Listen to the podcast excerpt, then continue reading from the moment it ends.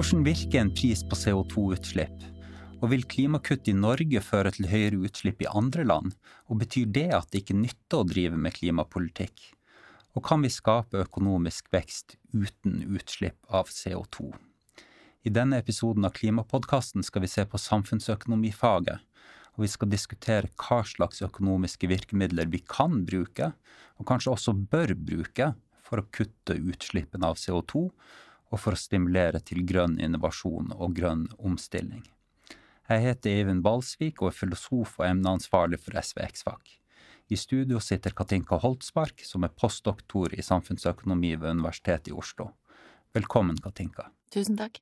Hvordan vil du definere samfunnsøkonomifaget, Katinka? Gjennom temaer, teoretiske perspektiver eller forskningsmetoder? Jeg tror den eh, vanligste måten å definere det på er gjennom tema, og at man da sier at det handler om hvordan vi skal fordele eller bruke knappe ressurser, fordele det mellom ulike anvendelser.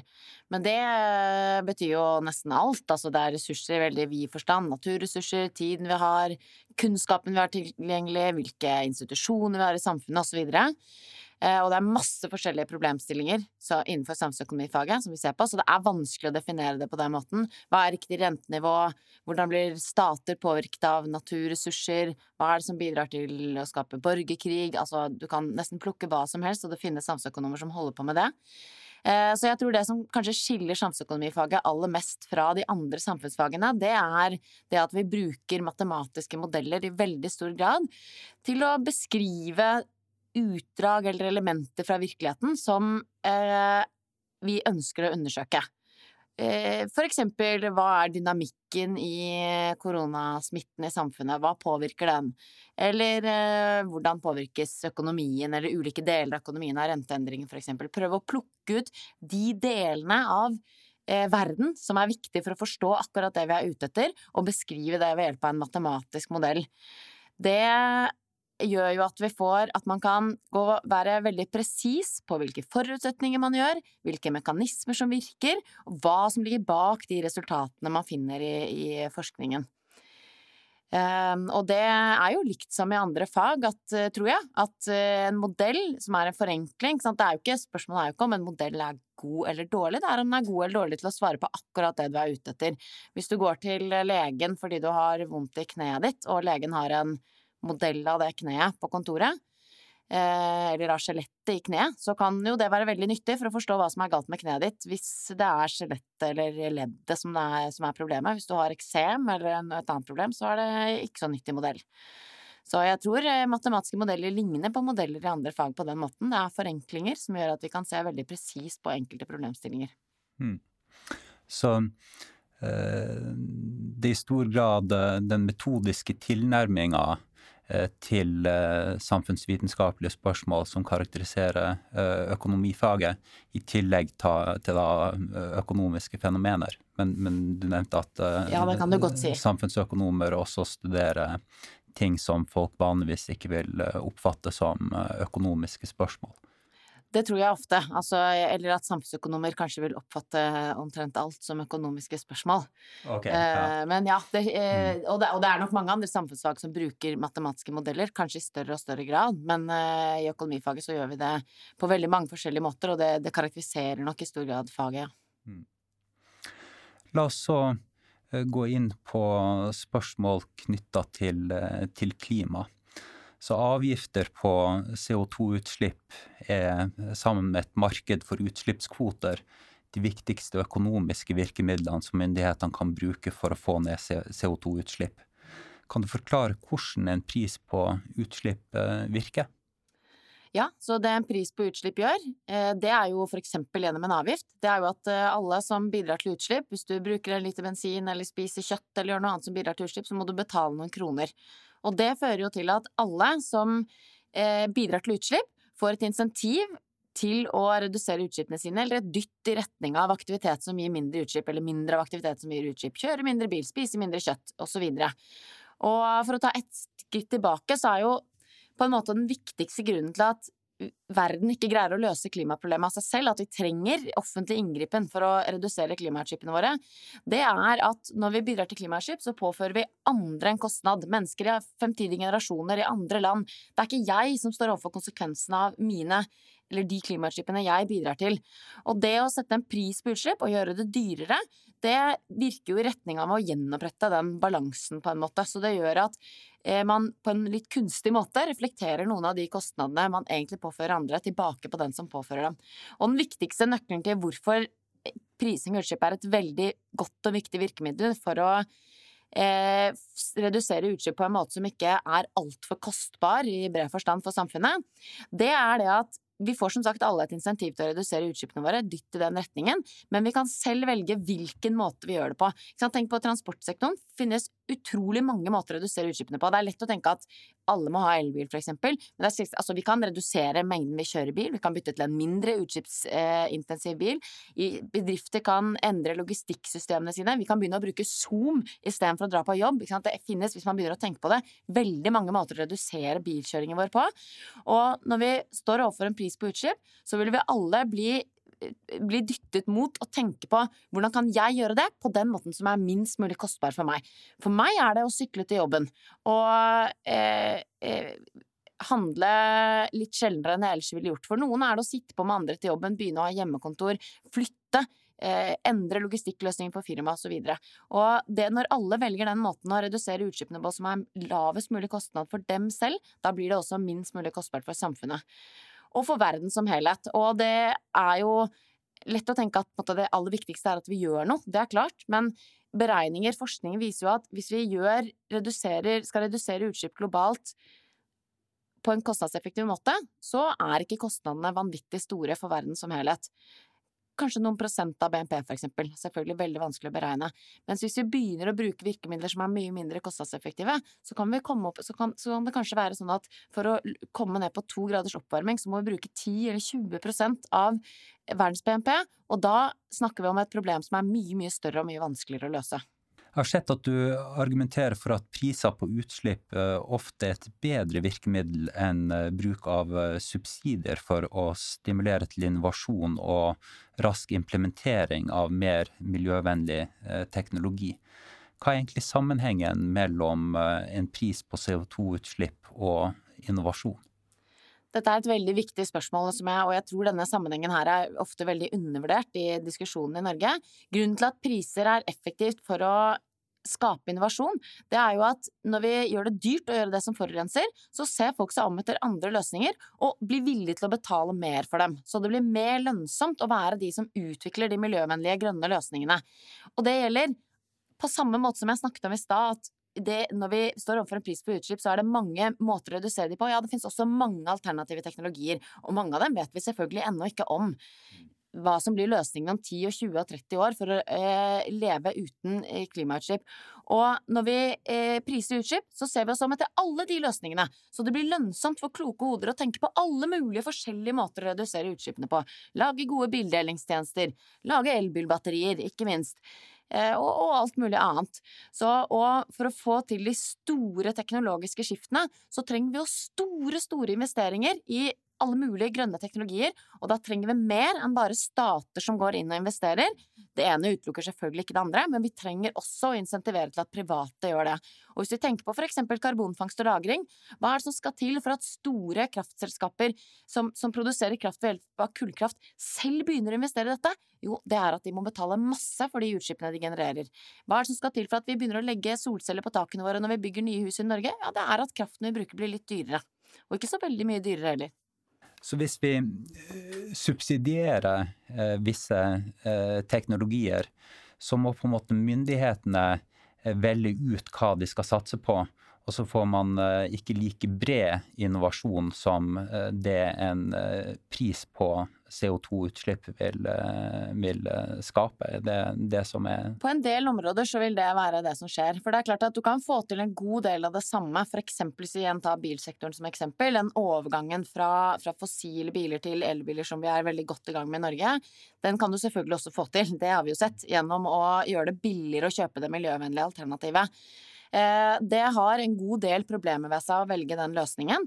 Og ett av de er det at myndighetene, som du var inne på, at myndighetene da på en måte må velge én eller kanskje noen få teknologier. For det er faktisk sånn, og det, det, bare, det må vi på en måte bare ta inn over oss, at når vi da istedenfor å gjøre det dyrere å forurense, sånn at alle får insentiv til å se sammen til alle mulige alternativer, isteden gjør det billigere å velge ett grønt alternativ, da gjør vi det mindre lønnsomt å se etter alle de andre grønne alternativene, dessverre. Det blir vanskeligere å komme inn i dette markedet med gode elsykler, for eksempel. Og det høres litt sånn lite ut, men dette gjelder jo i veldig mange markeder på veldig mange områder. Vi, får vi alle eh, store industribedrifter til å velge én renseteknologi, så blir det mindre lønnsomt å prøve å finne andre bedre renseteknologier. Og det er problematisk. Og så er det en del andre, andre grunner til også at eh, prising er mer effektivt for å få til det skiftet der. Men så har du mange områder hvor det er andre store problemer knyttet til utviklingen av grønn energi enn det at etterspørselen er for lav, som er det som vi, vi diskuterer når vi prøver å subsidiere etterspørselen, som vi gjør f.eks. i bilmarkedet. Og for, fordi i selve innovasjonsprosessen så kan det ofte være sånn at de som investerer og utvikler ny teknologi, de får bare en liten andel av gevinsten ved det. Tenk deg for eksempel en batteriprodusent som finner opp nye, kjempemye bedre batterier som har mye større rekkevidde, med mye lavere vekt osv. Eh, de vil eh, åpenbart tjene mye penger på det, men det vil også mange av konkurrentene deres. Og mange andre aktører i markedet vil etter hvert kunne bruke den teknologien i mange tilfeller. Og da eh, får vi altfor lite teknologiutvikling fordi verdien ikke tilfaller den som investerer. Da trenger man virkemidler som går direkte inn mot det. Men det er noe helt annet enn å heve etterspørselen. Da trenger vi innovasjonsstøtte. Vi trenger at vi går inn i store prosjekter i karbonfangst og -lagring med statlige midler, eksempel. Mm. mm. Så hvis vi tar uh, dette med karbonfangst, uh, f.eks. på det søppelforbrenningsanlegget her i, i, Oslo, så ønsker man statlig støtte for å uh, få til det, fordi Eh, det er usikkert eh, hva man vil kunne tjene eh, av penger for å investere i å finne en, en teknologisk løsning for å få det til. Og i hvert fall at så man ønsker statlig støtte, så jeg må bare ha en disclaimer om at jeg kan ingenting om karbonfangst og -lagring. Men, men, men, problemet er ikke først og fremst at det er usikkert hvor mye man kan tjene på det. Det er at det er stor forskjell på Eh, hva som er den samfunnsmessige verdien av å utvikle det, og hva som er den bedriftsøkonomiske. Det kan være sånn at det ikke er lønnsomt å investere det for en investor i markedet, men det er fortsatt veldig veldig lønnsomt for samfunnet. Og Da må man stimulere til investeringer på ulike måter, men f.eks. gjennom at myndighetene går direkte inn, sånn som i dette tilfellet her. La oss så se på dette med eh, karbonlekkasje. Vil en høy pris på utslipp i Norge og i EU føre til høyere utslipp i andre land? Og betyr det at det ikke nytter å drive med klimapolitikk? Så ja til det første og nei til det andre, for å svare kort på det først. Men eh, så det er klart at det er sånn at når vi kutter i klimautslippene våre i Norge eller i EU, så gir det en eh, form for karbonlekkasje, som vi kaller dette her. Det skjer for eksempel fordi produksjon flyttes. Hvis det blir veldig dyrt å drive med veldig klimafiendtlig produksjon, for eksempel i Norge, så kan man se for seg at noen fabrikker de bare flytter flyttes eh, til andre land som ikke har den samme klimapolitikken. Og da er det jo ikke sikkert at de globale utslippene påvirkes så mye av det vi gjør. Men eh, kanskje vanligere er det at det skjer gjennom prisendringer. Og da kan det skje også i transportsektoren. Vi kan ikke flytte bilkjøringen vår eh, ut av eh, Norge, men, vi kan, men det, kan, det, skjer at når vi kjører mindre bil, bruker mindre fossile biler, så kjøper vi mindre fossile brensler. Da går prisen på det litt ned, og det blir litt billigere for noen andre i noen andre land å kjøpe det, og de vil kjøpe litt mer. Så, og, men, men dette, så dette betyr at det er ikke hele utslippet i mange tilfeller som blir et globalt utslippskutt, hele utslippskuttet, men en god del av det blir i de aller fleste tilfeller det.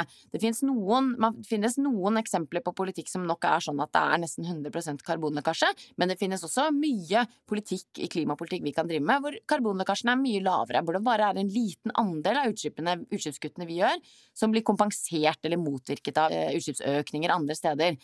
Um, så, så, det viktigste Så det er absolutt ikke sånn at det gjør at det ikke nytter å drive klimapolitikk, men det, er, men det betyr at det er viktig å prøve å forstå hvor er karbonlekkasjen stor, hvor er den liten. Kanskje betyr det f.eks. at vi skal eh, fokusere mindre på elektrifisering på sokkelen, hvor det sannsynligvis totalt sett er veldig stor karbonlekkasje, og mer på å kutte i transportsektoren, som et eksempel, hvor karbonlekkasjen er litt mindre. Interessant. La oss eh, så se på norsk oljepolitikk. I Norge så har vi holdt olje- og klimapolitikken atskilt. Så vi har politikk for å bremse etterspørselen for fossil energi, men så har vi ikke politikk for å begrense tilbudet. Og dette er, som mange miljøaktivister hevder, et paradoks, fordi utslipp av norsk olje og gass i utlandet er nesten ti ganger så høyt som Norges samlede utslipp. Du har evaluert forskning som tar for seg spørsmålet om en reduksjon i norsk oljeutvinning vil være en kostnadseffektiv måte å få ned globale utslipp.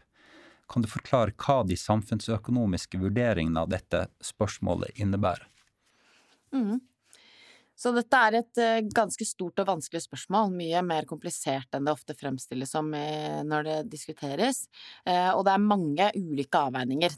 Én viktig avveining er den at vi i Norge er forpliktet gjennom Parisavtalen, gjennom klimasamarbeid med EU, til å gjøre kutt i gitte størrelser eller til å oppnå noen mål. Og det å kutte i oljeproduksjonen det, de utslippskuttene som det fører til utenfor Norge, det vil ikke eh, bidra til at vi eh, eh, gjennomfører de målene, eller vil ikke gi oss noe kred i, i beregningen av om vi oppnår de målene. Så, så, det er klart at hvis vi først og fremst er opptatt av å gjøre de tingene vi har forpliktet oss til, så er ikke dette et veldig relevant tiltak. Men vi gjør også andre ting eh, enn det som gir oss eh, i de beregningene. Og det er klart at de fleste i Norge er opptatt av klima fordi det er et problem, ikke bare fordi vi har forpliktet oss til det. Og da er denne sektoren også relevant, eller dette også relevant å se på. Så da er på en måte den store avveiningen, eller den store problemstillingen, den er hvor store globale kutt gir det egentlig hvis vi eh, begynner å kutte i oljeproduksjonen? Og det diskuteres ofte på den måten at på den ene siden fremstilles det som at det ikke gir noen kutt, at hvis vi kutter i produksjonen, så vil andre øke eh, sin produksjon like mye. Mens på den andre siden så ser man nærmest bort fra at dette i det hele tatt er et problem. Og det riktige svaret er selvfølgelig at det ligger et sted imellom der, men det er veldig vanskelig å vite, og det fins eh, lite forskning som gir oss gode svar på hvor stor den karbonlekkasjen er. Eh, men eh, det fins for eksempel en artikkel fra noen år tilbake som beregner at den er på ca. to tredjedeler. Altså hvis vi kutter et tonn eh, i oljeproduksjonen vår, så vil eh, to tredjedeler av det tonnet poppe opp som økt produksjon et annet sted i verden. Og det, på samme måte som vi har snakket om karbonlekkasje i stad, betyr at det er noe vi må ta hensyn til når vi forsøker å forstå hvor effektiv denne politikken er. Men det betyr, det betyr at den politikken er ikke eh, meningsløs. Det er ikke sånn at det ikke gir noen klimakutt i det hele tatt. Og så tror jeg videre også at det er relevant å forsøke å forstå også andre eh, virkninger globalt av den politikken. Er det for det første er det selvfølgelig viktig å forstå for å forstå hvor stor lekkasjen er. Er det solenergi som vil erstatte norsk oljeproduksjon, eller er det kull eller eh, oljeproduksjon? Men også hvor, hvor, og hvordan skjer den produksjonen? Det bio, kan det være bioenergi? Kan reduksjonen i olje, tilgangen på olje nasjonalt og internasjonalt fører til stor økning i endring i arealbruk, i avskoging, den type problemer, det, vi, det skulle vi visst mye mer om, eller forstått mye mer av. Så, eh, og til slutt så er det viktig også å ta inn over seg hva er kostnadene ved denne politikken, på samme måte som vi jo gjør på etterspørselssiden. Det er ikke vanskelig for oss å kutte utslippene våre i Norge. Vi kan bare legge ned landbruket, kutte transportsektoren. Da har vi kuttet stor andel av norske eh, utslipp. Grunnen til at vi ikke gjør det, er at det er veldig kostbart i form av velferd for oss. Så, så, så, det er også relevant å forstå i oljesektoren. Og der er det klart at noen kutt er nok veldig lite kostbare. Eh, med skatteregimet vi har i oljesektoren nå, så driver vi nok til og med oljeproduksjon som er ulønnsom for Norge eh, som i helhet. I helhet.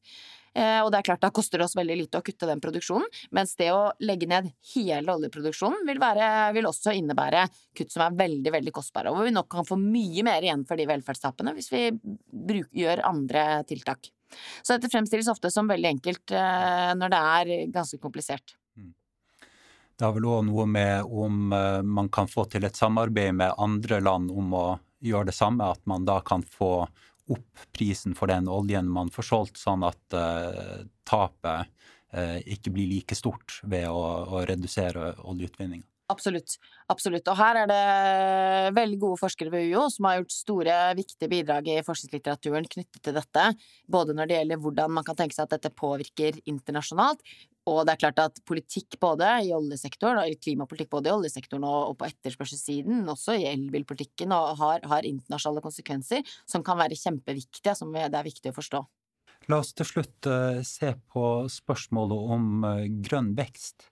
Det er mange som diskuterer om uh, grønn vekst er mulig. Hvordan vil du som økonom tilnærme deg det spørsmålet? Ja, jeg syns på en måte at spørsmålet om grønn vekst er mulig eller ikke, er litt sånn kunstig og litt for generelt til å Det går ikke an å svare ja eller nei på det. Og det aller første man må på en måte forsøke å ha klart for seg, er jo hva er vekst? Hva er det vi mener med det? Jeg tror mange legger veldig forskjellige ting i det. For samfunnsøkonomer så dreier så når vi på en måte definerer vekst, så snakker vi om å bruke ressursene våre bedre, få mer ut av ressursene våre. Eh, kan, det betyr å sant, finne nye teknologier at vi kan bruke elektrisitet istedenfor bensin. At vi kan vaksinere oss mot koronavirus og, og derfor uh, åpne samfunnet igjen. Altså, alt dette er ting som skaper vekst. For meg i min hverdag så er vekst eh, viktige ting fra økonomisk vekst er at jeg kan kjøre barna mine rundt i en kassesykkel som ikke fantes for ti år siden. At vi kan snakke med farmor på FaceTime hver dag hvis vi vil. At jeg kan høre på podkaster. Alt dette er utvikling som, som er økonomisk vekst. Og på denne måten, hvis vi tenker på det på denne måten her, så er det jo helt ikke meningsfylt å, å skille mellom eh, vekst og utvikling, eller om det er mulig å ha et, en bærekraftig utvikling samtidig som man har vekst.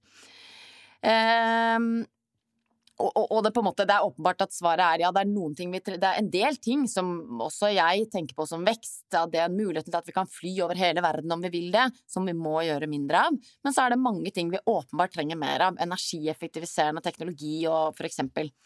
Eh, og noe av problemet med det begrepet og, og diskusjonen om det, er jo det at vi måler vekst på en veldig snever måte.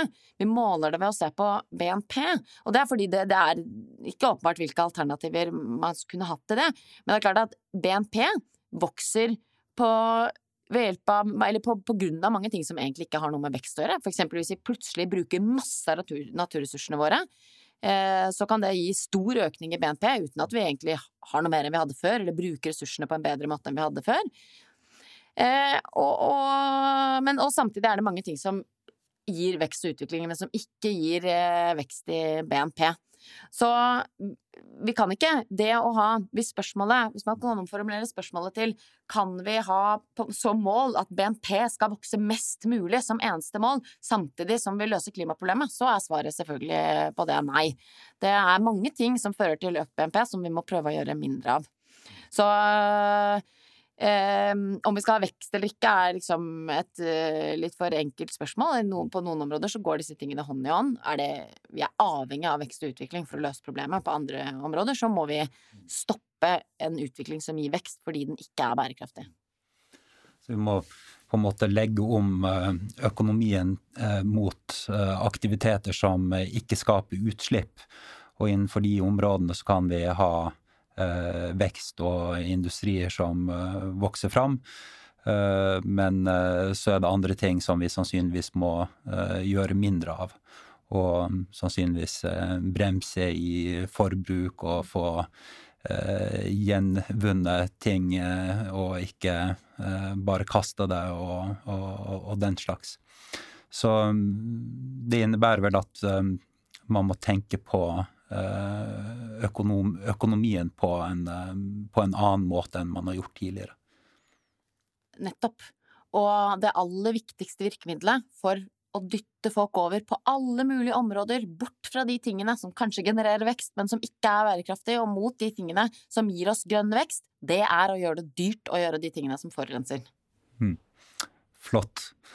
Men eh, takk for at du ville komme og snakke til oss om eh, samfunnsøkonomien, eh, Katinka Holsmark. Tusen takk for invitasjonen.